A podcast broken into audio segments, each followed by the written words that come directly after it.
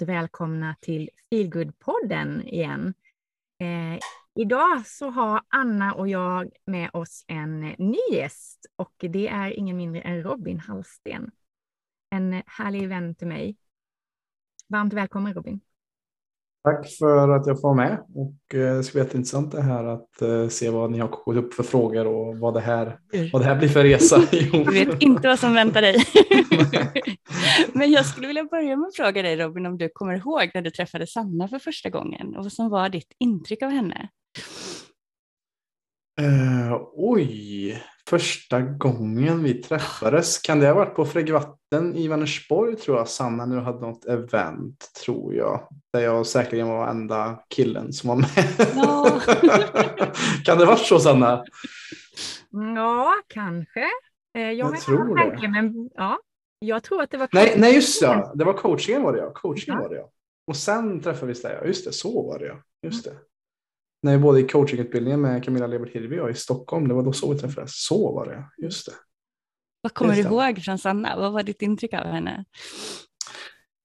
Um, nej, men det var ju så intressant att höra uh, den resan som hon hade med, med båten och jag hade ju sett, jag tror jag hade sett dem i tidningen, i Vänersborgstidningen också, TTELA när de drog iväg uh, och också en intervju med Svante tror jag också, jag vet inte om det var både och också. Så att så var det intressant att höra den här Smålands tjejen prata också att jag är också från Vänersborg. Jaha, okej, okay, jag med.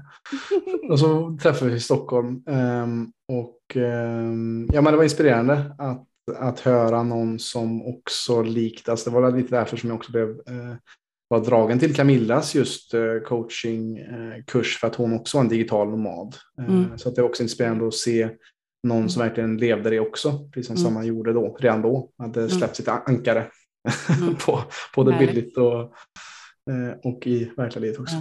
Mm. Är det någonting som du är nyfiken på själv?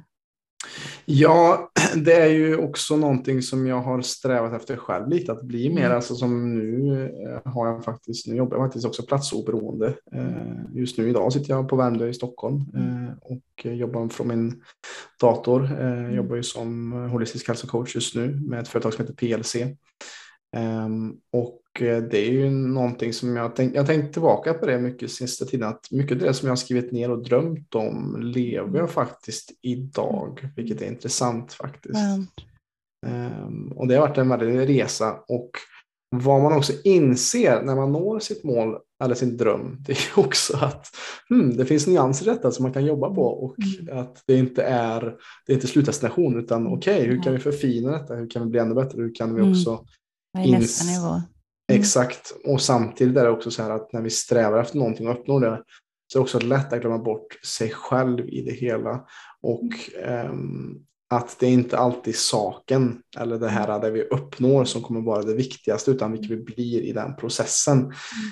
Um, och att kunna hålla um, att kunna hålla sig själv i den processen också är jätteviktigt och mm. någonting som jag blir bättre och bättre på att aha, det kanske inte är att jag måste uppnå de här sakerna för att känna att jag är bra i mig själv utan att um, det, det, krävs också det här inre arbetet, att jobba inifrån och ut.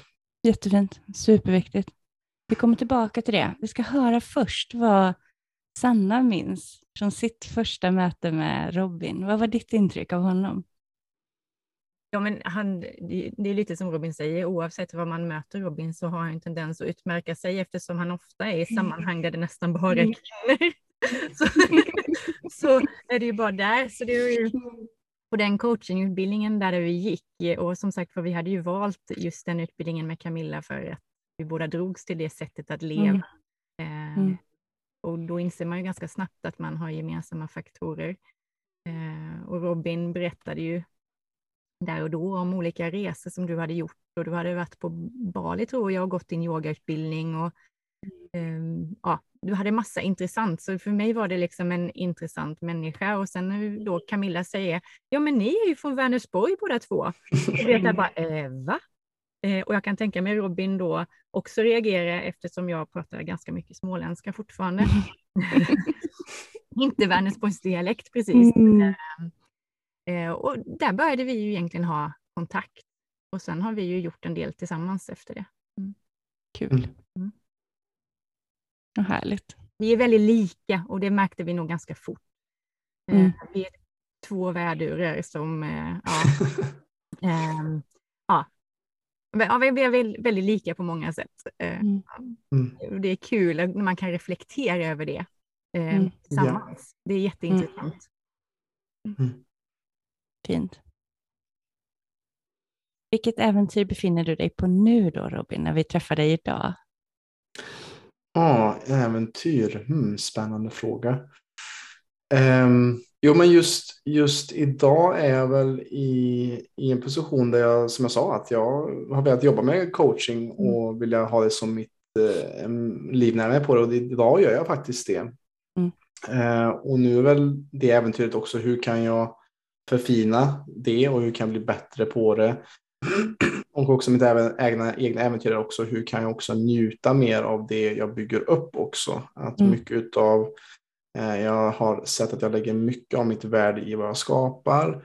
Mm. Eh, och eh, det kan bli ett väldigt, eh, ja men ibland kan det vara att jag kan må sämre när jag inte skapar, när jag inte, vem är jag när jag inte gör någonting. Att kunna hitta förnöjdhet i den jag är och landa i den jag är. Mm. Och på så sätt också mycket av det som jag håller på med idag också har insett eh, varit väldigt eh, intressant och också tufft. Det har varit min egna pengahistoria eller min relation till pengar. Det är, någonting. det är mitt äventyr just nu, mitt inre Mm. äventyr nu. Hur kan jag generera mer överflöd för mig själv? Eh, Mm. Och insett mer och mer att det börjar ju med att hur jag pratar om pengar, hur jag relaterar till pengar, hur jag också ehm, ser mig själv i, i världen och Mm. mitt egna inre överflöd som jag faktiskt, som vi alla sitter på, men Mm. som vi alla också har kanske historier som vi fått med oss från barnsben, att vi inte har nog eller att vi måste Mm. jobba hårt för våra pengar Mm. istället för tvärtom. Faktiskt. Mm. Att vi är Mm. värdefulla precis som vi är. Ja. Ja, precis. Jag tänker ju utifrån det du säger där, just det med pengar, det är ju så intressant, för det är ju, det är ju just det här Mm. relationen vi har till det och hur vi tänker kring det. Men just Mm. apropå det så har du ju gjort en ganska kul grej kring det med pengar. Snyltresan. Det är ju Ja. liksom, berätta, det är ju så coolt. ja, precis. Det är ganska komiskt att jag, att med, med det, ja precis, det är ganska intressant det där, att just 2017 så så eh, gjorde jag och min kompis Hugo, vi gjorde en resa från Smygehuk till Treriksröset eh, där vi liftade genom hela Sverige. Eh, men en liten krydda på, på den här resan var att vi postade våra bankomatkort i den sydligaste brevlådan i, nere i Smygehamn då, till slutdestinationen i eh, hotell Kilpisjärvi uppe då i Finland. Eh, så under 25 dagar så reste vi utan att spendera en enda krona genom att fråga folk om boende, mat och, och sånt. Va? Så vi hanterade inga kontanter, ingenting under de här 25 dagarna. Ehm, och lärde oss otroligt mycket. Eh, och just för att kliva utanför, vår komfortzon. Alltså för många hade det bara varit en resa att resa hela den här sträckan. Men vi ville liksom krydda till det lite och också sätta oss i den situationen ehm, för att just att vi är väldigt bekväma väldigt ofta och det berövar oss oftast på just livets äventyr också. Att vi väljer den här komfortabla vägen. Ehm, så att detta är också något som vi filmar. Det finns också en dokumentärserie på just eh, Youtube som heter just Snyltresan om man, om man söker på det med, i 25 avsnitt. Och Där har ju också den resan varit nästan just efterarbete, att klippa ihop den här dokumentärserien har varit nästan Mm. mer arbete än just själva resan i Mm. sig. Att slutföra ett sånt monsterprojekt Mm. av timmar av filmning. Mm. Men hur gjorde, hur gjorde ni med, liksom, jag tänkte, för ni reste väl i bil, eller hur var det? Eh, vi, vi hade ju inget, alltså vi hade ju inget, vi ställde min bil i Smygehamn eh, och, och sen så liftade vi. Eh, så vi åkte allt från buss, färja, vi åkte tåg, vi åkte ja, allt, allt möjligt som vi, vi cyklade, åkte moped och ja, allt, allt möjligt gjorde vi. Och vad var den största utmaningen under den här resan? Vad var liksom det svåraste? Många hade väl trott liksom så här att oj, gick ni ner något i, i vikt eller, eller hur fick ni tag i mat och så vidare. Men det var väl inte det som, alltså det, det svåraste var väl just den här utmaningen kring att ständigt varje dag sätta sig i den här situationen.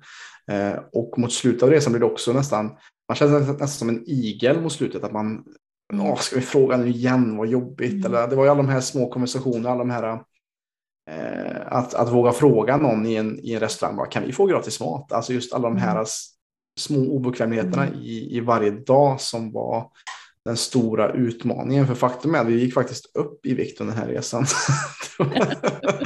för folk var så givmilda och, och, under de här 25 dagarna så använde vi vårt tält som vi hade med oss kanske 4-5 nätter och resten sov vi hos främlingar egentligen som öppnade upp sina hem åt oss. Så det var helt, helt otroligt att se mm. eh, när vi öppnade våra hjärtan vad, vad som fanns där att tas emot av andra också. Då. Mm.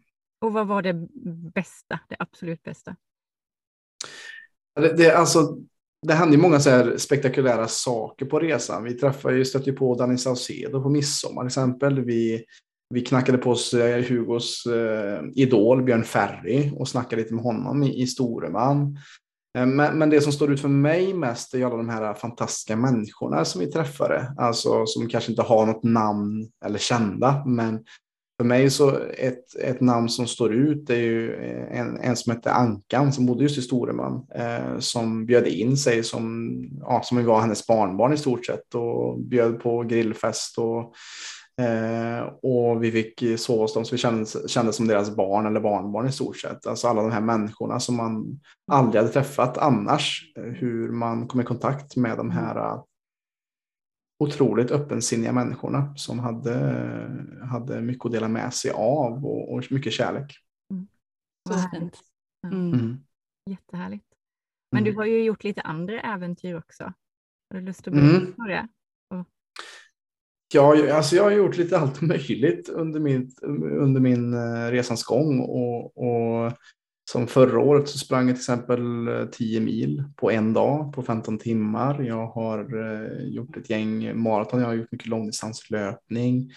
Ehm, och sen vad som startade min första resa, eller mer, som var lite grunden till att börja jobba med det jag gör idag och lite kastankaret som du gjort också Sanna, var ju 2016 när jag Ehm, hade jobbat eh, i fem, sex år på mitt familjeföretag då, kört budbil och, och kört truck på natt och sånt grejer.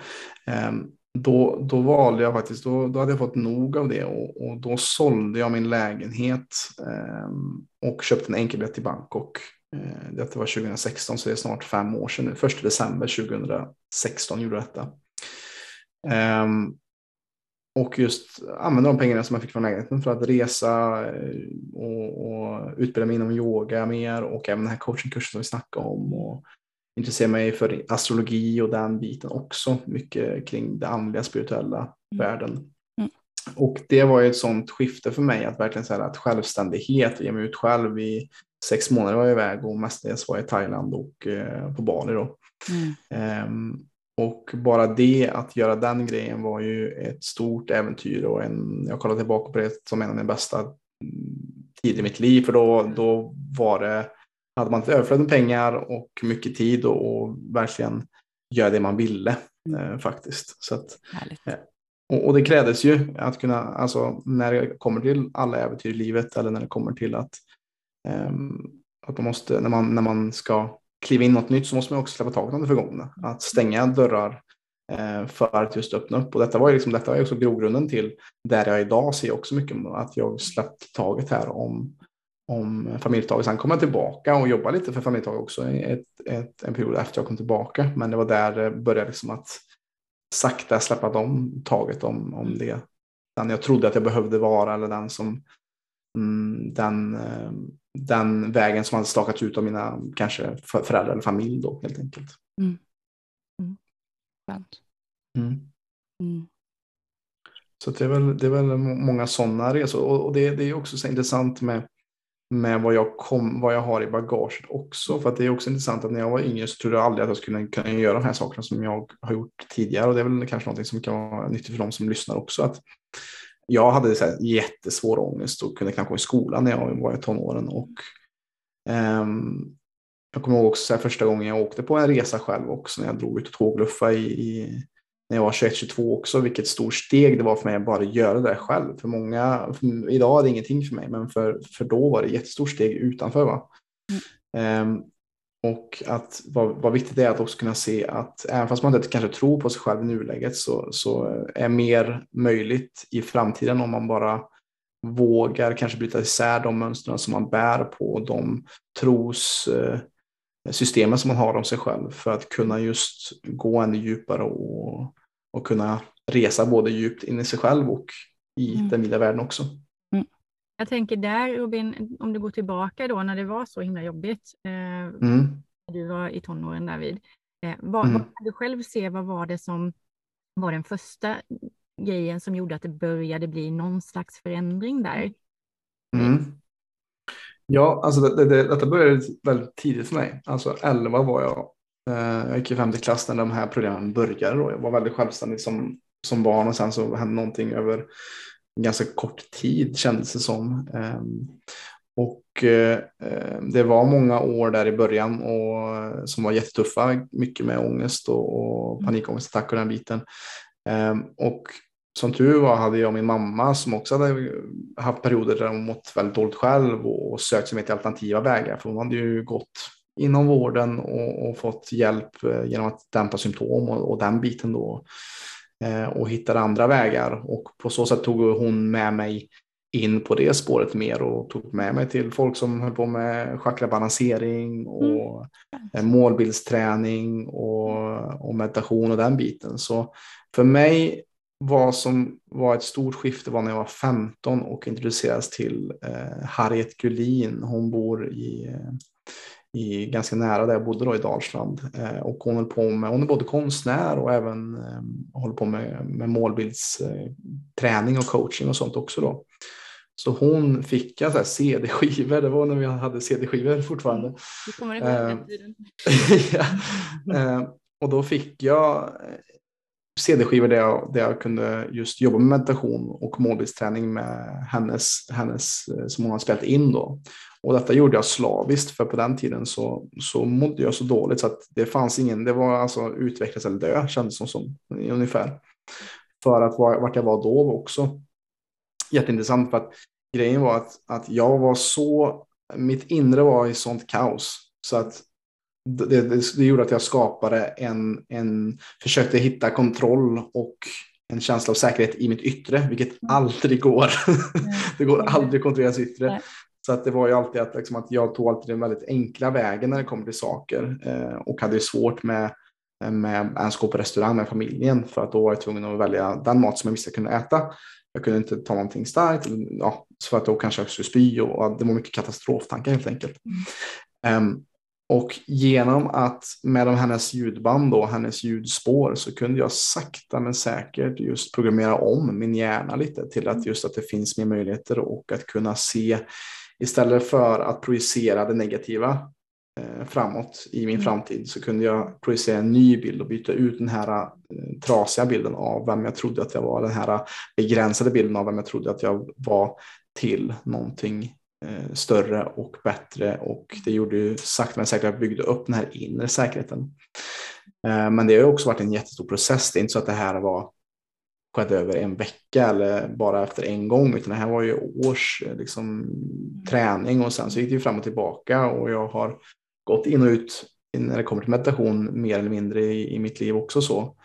Um, och, uh, men, men, det var en start, en vändpunkt som jag ser det i, i efterhand så att det var en av de första mentorerna och de första guiderna och vägledarna som jag hade på min resa som hjälpte mig framåt. Vi behöver alltid guider och mentorer när det kommer till äventyr i livet. Vi behöver alltid någon som går före i bräschen. Att jag kan tro att det är många som kollat på Sannas kanske blogg och hemsida i flera år innan de kanske själva vågar kasta ankaret och, och, och för Sanna själv kanske också var någon som hon kollar på när hon, hon drog iväg.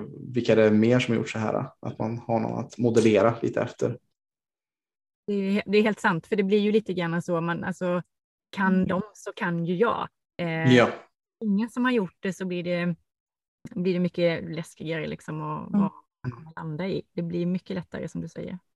Ja, det, får man tänka på. Liksom en, en, eh, en av Tony Robbins största uh, mentorer, hans första, han sa det, Jim Rohn, han sa uh, success leaves clues. Alltså att framgång, det lämnar, lämnar spår.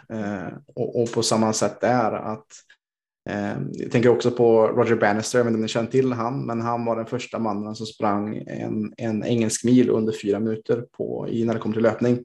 Mm. Och innan, innan han gjorde det så så sa vetenskapsmän och folk, liksom idrottsmän, att det här är fysiskt omöjligt för en människa mm. att, att kunna springa på under fyra minuter. Det går inte, det är mm. omöjligt.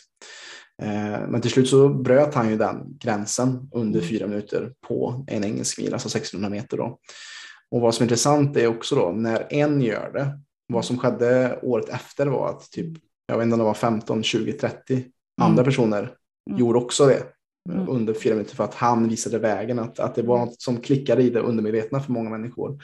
Att aha, okej, okay, han fixar det och han är människa. Han, han pissar och skiter och precis som mm. jag, vad, vad, vad, kan jag göra då? Också då? Mm. Men det är ju mm. lite, så, det är lite intressant och jag tror att där är man kanske är olika, men en del triggas av det här när någon säger att du, det kan, så kan du inte göra. Och då, mm. då ska mm. man, medan andra bara känner att då tappar man hela den här liksom känslan av att det ens går när någon säger att så kan du inte göra. Mm. Där är man ju också lite olika. Eh, jag vet inte, men jag tror att du är lite som jag där, för jag blir ju väldigt, när någon säger att så kan du inte göra, det är lite så här Pippi Långstrump, det kan jag visst liksom. yeah. även om jag innan kanske var jätterädd och tyckte att det var, verkade jätteläskigt och egentligen kanske hade bestämt mig att jag ska inte. Men eh, typ, jag kan ta ett jätteenkelt exempel, hoppa bungee jump var en sån grej för mig. Alltså jag tyckte inte det, alltså det var väl häftigt att göra men det var inte förrän någon sa till mig att men det kan du inte göra, det gör du aldrig. Alltså då tog det ju inte många minuter förrän jag... Hur var det? Ja, det var hisnande. hur var det? Över en tom pool i Thailand. Jag vet inte riktigt hur intelligent det där var, men eh, det var så häftigt. Jag skulle inte vilja vara utan det. Men jag mm. skulle inte heller kanske göra om det. Men eh, mm. eh, ja, Nej, men just det här hur det kan driva. Medan mm, andra ja. känner att mm. okej, okay, eh, du säger att jag inte kan det här och då tappar man hela det självförtroendet i att man faktiskt kan det. Mm. Där är vi olika. Ja, exakt. Och jag, jag kommer ju ett minne som är väldigt starkt för mig att när jag, eh, jag tror det var 2013 någonting som jag började mera få en annan bild av vad som faktiskt kanske är möjligt för mig eh, och började följa eh, några personer som blev mina guider på Youtube till exempel. Mm. Och jag bara shit, jag vill bli coach. Jag vill, kunna, jag vill kunna inspirera honom som han inspirerar mig, den här personen. Mm. Och jag vet att, att eh, jag stod i min brorsas lägenhet eh, någon gång, det var 2014, 2015, det här vill jag jobba med. Jag vill jobba med att hjälpa människor precis som han gör. Eh, och våra, våra vänner och våra familjemedlemmar, de vill oss oftast bara väl, men oftast har de också, de, de kan inte, ingen kan se den, den visionen som du håller i ditt hjärta. Det är ingen som kan se det, för de ser mm. dig i ja, men Robin som var, hade den här ångesten eller den här problematiken. De ser, de ser alltid ditt förflutna bakom dig mm. eller din mamma eller pappa ser, ja men det där är inte du. Du, Sanna, du är den här som gör de här fitnesspassen mm. på, på gymmet. Du ska ju inte ut och segla, du har aldrig varit på en båt eller så här. Alltså, vem är du och tror att du kan göra det här? Och på samma sätt i välvilja så, så var ju min bror där också. Han sa liksom att nej men, det, nej men Robin, det där kommer aldrig, det där kommer inte ske. Det där är orimligt. Alltså, så. Men men nu är jag ju på ett sätt i, jag är inte där som den här personen som jag följde var då, liksom att inspirera miljoner människor, men jag hjälper människor och framförallt jag hjälper kvinnor i mellan ålder 30-60 mestadels då i PLC att hitta balans och hitta närvaro, hitta mer hälsa och välmående i sina liv. Mm. Och eh, det är ju för att jag på något sätt eh, inte trodde på den där historien som min bror hade om mig. Mm. Utan att jag skapat min egen tro mm. om mig själv. Att, att saker är mer möjligt än vad man tror. Mm. Ehm, och som du säger Sanna, att det kan nästan ge mer eld i baken. Att nej, du säger att jag inte kan, ska jag alltid se här. Varför ska jag kunna, mm. kunna göra istället då? Liksom. Ehm, och att inte låta andras eh, syn, deras begränsade syn på dem själva styra din syn på dig själv. Mm så otroligt viktigt, tänker jag. Mm. Det som mm. du säger mm. där. Eh, och jag tänker det är också så viktigt det som du säger, att även om du inte är där, där han var, som du egentligen blev så inspirerad av, eh, du är inte där idag, men du är ju väldigt långt på väg. Mm. Faktiskt då också uppskatta vägen dit. Det sa du ju lite mm. i början, mm. här, att det är så viktigt också att kanske inte bara ha fokuset på målet, Mm. utan att också njuta längs vägen och eh, uppskatta det som sker eh, mm. resans gång. Liksom. Mm. Precis. Det fortsätter ju att forma oss också. Mm. Och det är det som jag tycker är, jag är jättetacksam för att ha det här samtalet idag. För att det här gör ju att jag får en liten återblick på mitt egna liv. Lite, ah, Mm. just det. För att du vet, vi fa- vi fastnar så mycket i den inre kritiken också som, som sitter på vårt huvud bak på axeln och bara, ah, du är inte nog Sanna, du är inte nog Anna, du är inte nog Robin. Du, och, och de här dagarna kanske, du vet när man har dagar eller veckor eller månader eller till och med kanske man kanske har ett helt år där man känner att man kanske inte har, man är i samma slag som man varit eller vad det kan vara. Och att det är lätt att glömma bort vad man faktiskt har åstadkommit i sitt Mm. liv. Mm. Om jag kollar tillbaka tio år tillbaka i mitt liv när jag tog studenten, och det är ju tio år sedan nu, i år faktiskt, eh, och ser vad jag hade för drömmar och mål då. Det är de målen jag har skjutit iväg alltså långt fram. Så jag tänker också så här, med det som jag känner mig begränsad av idag, undrar hur jag kommer att se tillbaka på det om tio år om jag bara Mm. fortsätter min resa Mm. eh, och fortsätter jobba på mig själv och tro på mig själv. Eh, vart jag kommer vara då. Eh, för oftast eh, det är intressant och säkert om ni också tänker tillbaka tio år i era liv, vart ni var då och vart ni är nu så är det säkert eh, ljusår från där ni Mm. var då. Ja, Helt enkelt. Jag Mm. tänkte ju just det här också att också kunna vila i det ibland. Att, ibland fastnar man ju också i det här att man vill tillbaka till det som var. Eller liksom Mm. Det kan ju vara att ham- hamnar man i ett sånt där som du beskriver, ett sånt där läge där man känner att det är inte som det var innan och man känner sig lite nere och det är liksom, man, man vill att det ska vara som innan och få det här drivet kanske. Men det kanske är någonting som har gjort att nu är det dags för någonting annat. Att också Mm. liksom njuta av att vissa saker har varit. Det, och- men jag har gjort det. Eh, och det Mm. är bra. Eh, nu kanske det är dags för någonting nytt. Ja.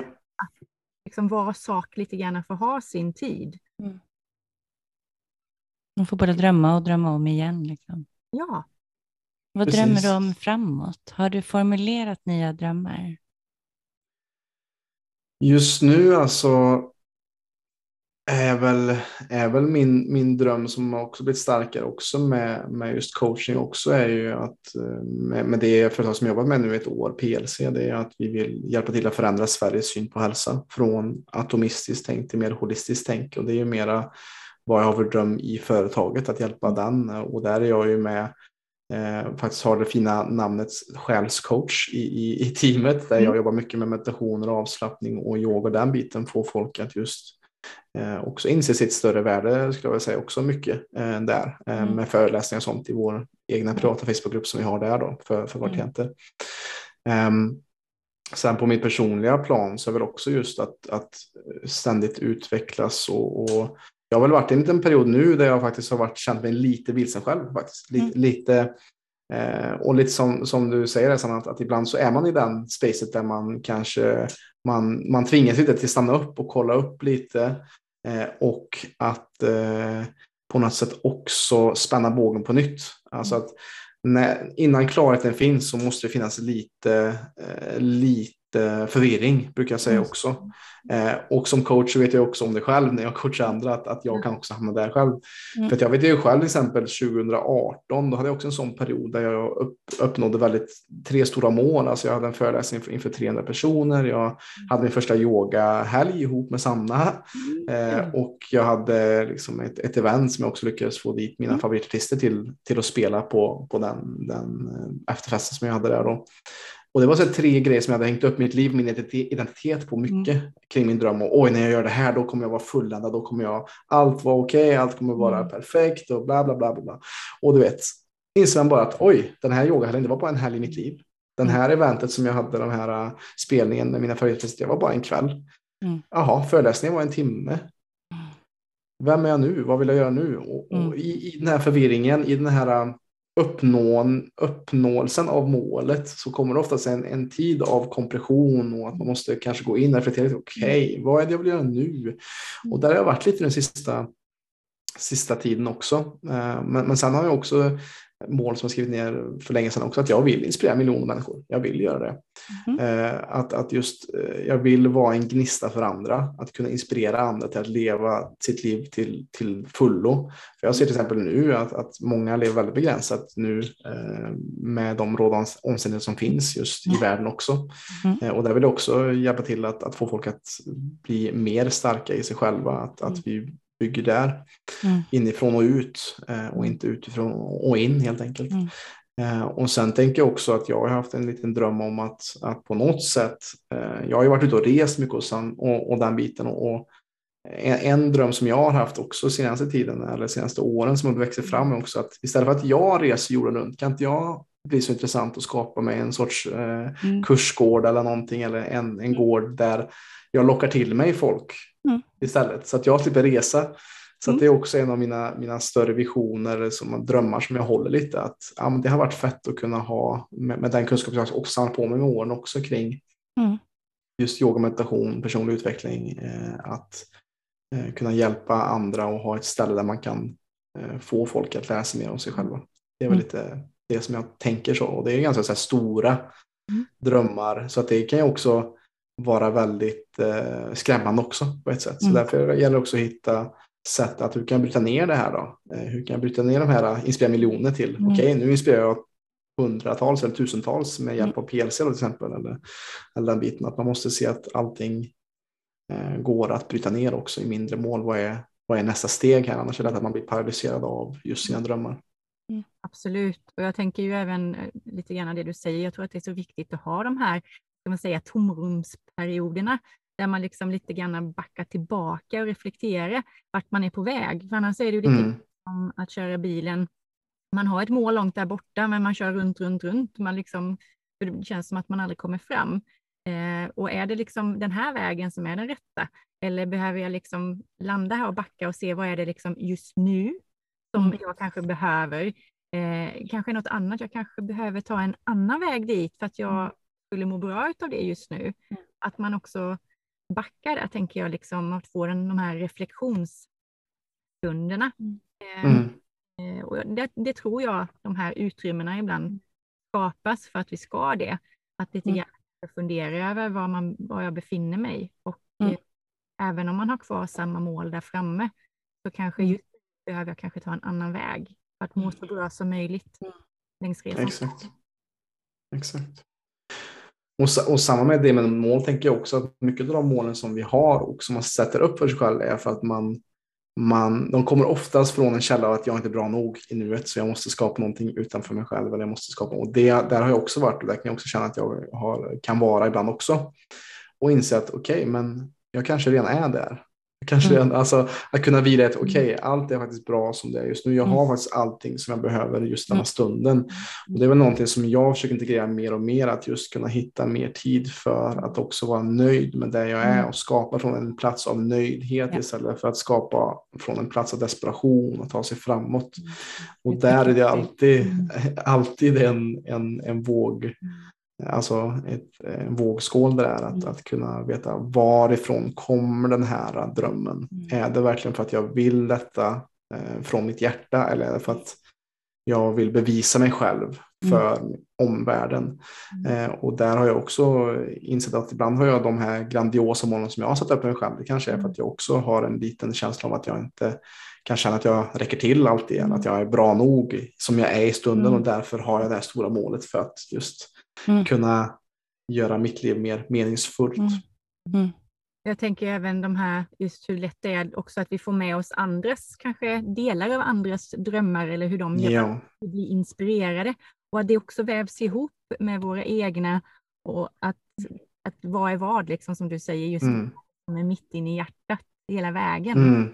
Eh, inte bara för att duga eller för att det verkar någon annan verkar ha det fantastiskt för att de är där. Liksom. Mm. Utan att mm. våga titta på det är så otroligt viktigt, men svårt. Mm. mm. Absolut, absolut. Mm. Ja. Ja, att, att kolla inåt är alltid, det är alltid en stor utmaning för många i, i den samtid vi lever i också där vi ständigt Eh, får vår eh, uppmärksamhet eh, rånad av skärmar och, och den mm. biten och vi ser alla andra vad de gör i deras liv mm. istället för att just gå inåt och säga vad, vad vill faktiskt jag? Vad är mm. faktiskt min essens här? Vad är min unika mm. gåva? Vad är min unika livsväg? För att mm. alla som lyssnar, ni som är med här också, ni är alla unika, ni har er egen väg att gå. Och det är ju det är där, där som är så viktigt att att många följer ju andras drömmar Mm. och bränner ut sig och går in i väggen på grund av att det här var inte din väg egentligen. Det här är för att du kanske läst någon annans självbiografi och att aha, det där funkar för honom och det där gjorde honom lycklig och det här gjorde honom glad och, Mm. och pengar, ska alltså om jag bara tjänar så här mycket pengar då kommer jag bli bra eller framgångsrik eller då kommer folk älska mig. Men att man glömmer bort sig själv och man kan tappa sin egen själ i, det, i, i den här resan. Att just stanna upp och se liksom, vad, faktiskt är, vad, vad behöver jag just nu då? Och det är mycket, mycket det jag håller också på just nu och utbildar mig till något som heter Zen coach. Eh, och det här är också intressant. Eh, just coaching för ett zen-buddhistiskt perspektiv. Att just att eh, kunna finna sig i stunden, att finna sig i det oändliga nuet. Mm. Vila i stillheten. Mm. Vila i stillheten, ja precis. Att, att om vi kan hitta våra mål från den punkten istället för att vara stressade så, så kommer det säkert bli en helt annan väg för dig framåt. Precis. Men jag tänker, eh, du har ju gjort så, som sagt för tillbaka till det, du har ju gjort så mycket olika roliga grejer, eh, och Mm. intressanta saker. Och du är väl lite grann som, som vi också där, lite popcornhjärna eh, med idéer. En, en grej som jag tycker är så himla fin som du har gjort, det är ju Ragges runda. Mm. Kan du berätta? Vad är om det? Mm. Ja, vad är det? Vad är det? Ragges runda? Ja, alltså det, det skulle jag säga att det var mitt första riktiga projekt när det kom till min egen personliga utveckling. När jag kom i kontakt med det. Att, att eh, ehm, jag var väl 21-22 då och i, i resultatet av ett, ett, ett uppbrott som jag hade med en tjej så blev det också att jag var trött på den personen jag var som var ute och raggade på krogen och drack alkohol och, och la mycket tid och energi på saker som jag insåg var väldigt ytliga. Så det blev att jag kanaliserade den energin till någonting nytt och då blev det Raggesunda eh, för att jag eh, vad roligt var att jag, jag sprang, jag började springa mer och mer. mer, mer. Alltså jag var inte en, jag höll på med fotboll och sånt i min ungdom och, och löpning till viss del, ja, lite orientering och sånt. Men eh, det har blivit att jag har gjort det mer och mer med hjälp av Raggesrunda kan man säga också. Och Raggesrunda då är ju en terrängloppstävling som jag startade just 2013. Um, ehm, och um, det är ju, Ragge är ju min farfar Ragnar Hallsten då, som eh, tävlingen går ju också på där jag också bor idag, på min familjegård, där vi bor tre generationer. Jag, mina föräldrar och farfar lever också fortfarande. Eh, så detta var en gammal stig som han tog till, till skolan som han hade restaurerat lite och, och då tänkte jag, men vi, gör, kan väl inte göra en tävling av detta. Ehm, så då, då var lite min första steg i att också säga, okej, okay, nu ska jag skapa, en hemsida, nu ska jag marknadsföra mig själv, göra videos om mig själv och filma mig själv. Oh shit, vad läskigt. Men det var också så här att då hade jag också fått så mycket inspiration av andra mentorer online också. Ehm, så jag började göra de här eh, göra det som var jobbigt och börja bli mer en frontfigur för någonting och eh, för ett varumärke kan man säga också som Raggesund har blivit. Och, um, och så första året så var det väl eh, 110 löpare, andra året 150 och sen så har det varit också en resa där också. För att jag märkte också att, att eh, med den här löpartävlingen också som jag redan berättade om att där kände jag att det, det gjorde jag mm, början till varför jag gjorde det var för att jag ville bevisa mig själv att kolla på vad bra jag är som skapar det här stora eventet som eh, älskar mig. Lite så kom det ifrån. Eh, och det kom jag på ungefär två, tre år innan att shit, jag håller på att bränna ut mig för att jag ska visa hur duktig jag är på att skapa saker. Mm. Så det gjorde också liksom att jag tog ett sabbatsår 2016 och, eh, och sen så växlade den ner lite hur mycket energi jag lagt på det. Men jag har lärt mig otroligt mycket av Raggesrunda och och, just um, om mig själv också i relation till att skapa ett, ett projekt och hur mycket man kan sätta sin egen identitet i vad man skapar också.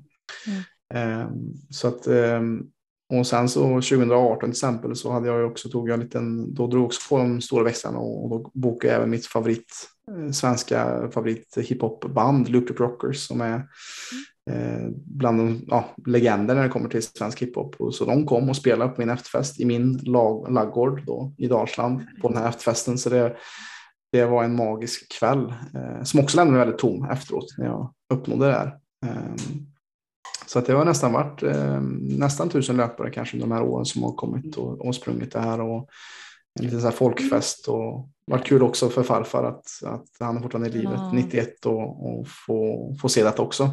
Jättefint. Eh. Ja, Mm. verkligen. Är den kvar? Finns den? Lever Raggisrunda?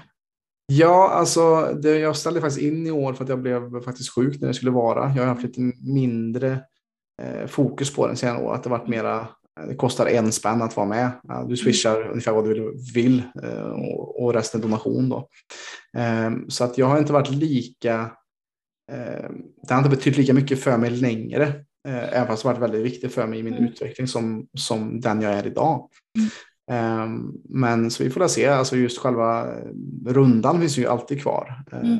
Men, men just om tävlingen kommer att fortsätta på samma sätt, det får vi se lite i framtiden. Men, men det är kul att, att eh, se tillbaka på den personen också blev och växte upp med Mm. Raggestrunda-projektet också. Precis alla lärdomar som du fick med dig. Ja. måste- Ja, otroligt mycket. Alltså, otroligt mycket. Att kunna stå upp för sig själv, att kunna marknadsföra sig, att just, ehm, ja, så mycket, så mycket Mm. saker. Och- Och just det så, som du gör så himla fint också, det här att också kunna backa och titta på sen efteråt. Mm. Även de här grejerna som tomheten och vad är det som händer. Och när man, Mm. man gör det liksom och ser de här grejerna som, la jag energin på rätt ställe eller varför lägger jag den Mm. där och inte där? Eh, Mm. alltså, då lär man ju sig otroligt mycket om sig själv. Det är utveckling i det. Mm. Absolut, absolut. Mm. För, för där har jag också fastnat mycket i att lägga mitt självvärde i vad jag skapar, som jag också sagt mycket tidigare. Och kan fortfarande så här, starta igång mycket projekt samtidigt och så alltid ha flera gånger i luften. Jag tror Sanna kan känna igen sig i det också. Ja. Eh, och, och att, att eh, ibland less is more. Att, eh, istället för att skapa så mycket runt omkring sig så blir att din energi blir så spridd att det blir nästan ingenting gjort. Utan att, att istället ibland kunna kanalisera in den energin och, och fokusera på en sak i taget och bygga sakta framåt istället för att man, man tror att man är produktiv för att man har tio saker på Mm. gång samtidigt. Då. Så det är någonting som jag försöker bli bättre på. som jag Mm. fortfarande eh, kan eh, kämpa med själv. Då. Jag tycker ju det är svårt för att jag tröttnar. Det är, för mig är det nog Mm. att Ja, men. Inte, Mm. Inte behöver det här ha flera saker i, Mm. egentligen för, andra eller så, utan det är min, hela jag tröttnar liksom när någonting håller på för länge. Det blir liksom, då behöver jag göra något nytt och hoppa mellan saker. Sen ibland blir Ja. det lite för mycket sådana grejer eh, på en gång. Och då är det ju som du säger, det blir ju inte bra för att man, man är, blir väldigt splittrad i, i det man gör. Ja. Och det märker ju jag jättetydligt då när vi då kanske bryter loss och bara ut och seglar i två dygn. Mm. Eh, då är ju dessutom min hjärna igång sen på högtryck igen, superfokuserad och jag får nya idéer tillbaka till det som jag kanske hade. Eh, bara att backa där liksom, den stillheten. Eh, Mm. föder väldigt mycket sån inspiration i mig. Eh, och lättare också då att se, liksom, att bli inspirerad i de grejerna som redan existerar. Liksom. Att det inte måste vara nytt hela tiden. Precis. Mm. Det är så mycket spännande, man skulle kunna prata med dig hur mycket som helst vidare. här. Eh, vi kanske får komma tillbaka till dig längre fram sen. Eh, ja, kanske det. Mm. och, eh, kanske Mm. mer liksom infokusera på någonting annat. Så. Mm.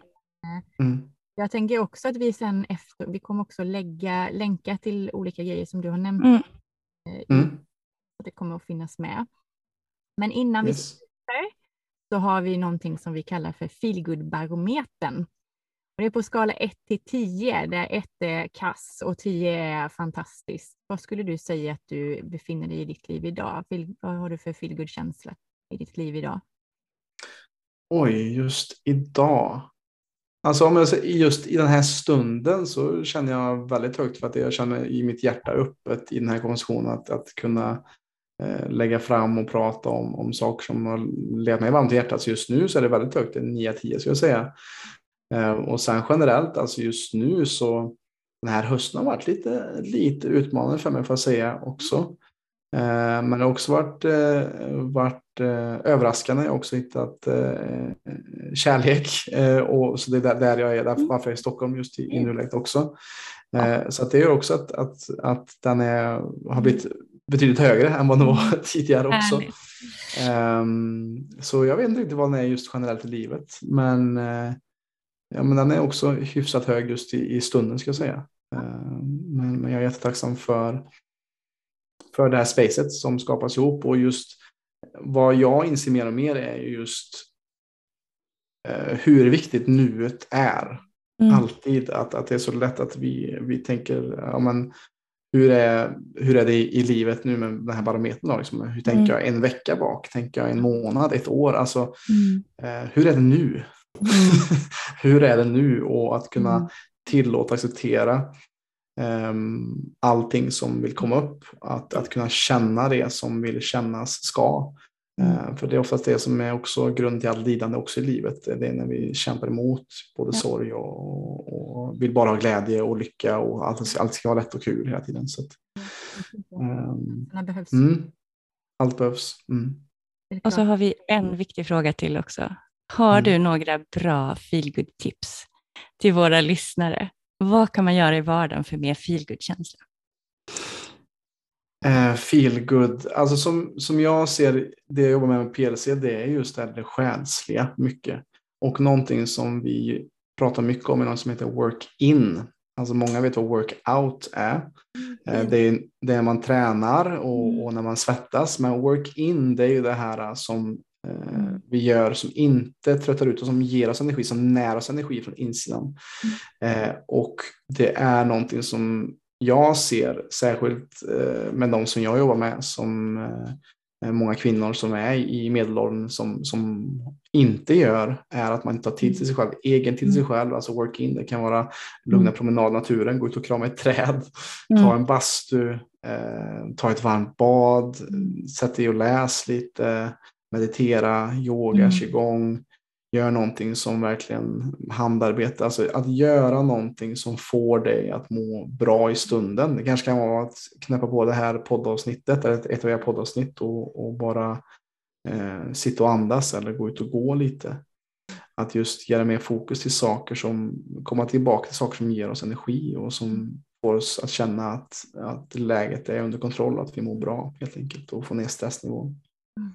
Det är viktigt. Mm. Det är lite som vår feelgood-lista som vi pratar om. Ja. Mm. Okay. Ja, det är ju det. Det handlar så mycket om det och jag tror att det mm. behöver sägas många gånger. För just mm. den gruppen av, mm. som oftast då som du säger kvinnor, är ofta fokuserad på att finnas för alla andra och göra saker mm. för alla andra. Yes. Det är tillbaka till mitt kanske uttjatade mm. uttryck att vi behöver börja med oss själva. Mm. mm. Mycket på köpet. Mm. Flygvärdinnetänket, sätt på dig masken mm. själv innan du hjälper någon annan. Eh, yeah. Att bara fylla på sig själv så kommer ju andra runt omkring må bättre också. Ja. Mm. Så det är så viktigt det du säger. Mm. mm. Ja, precis.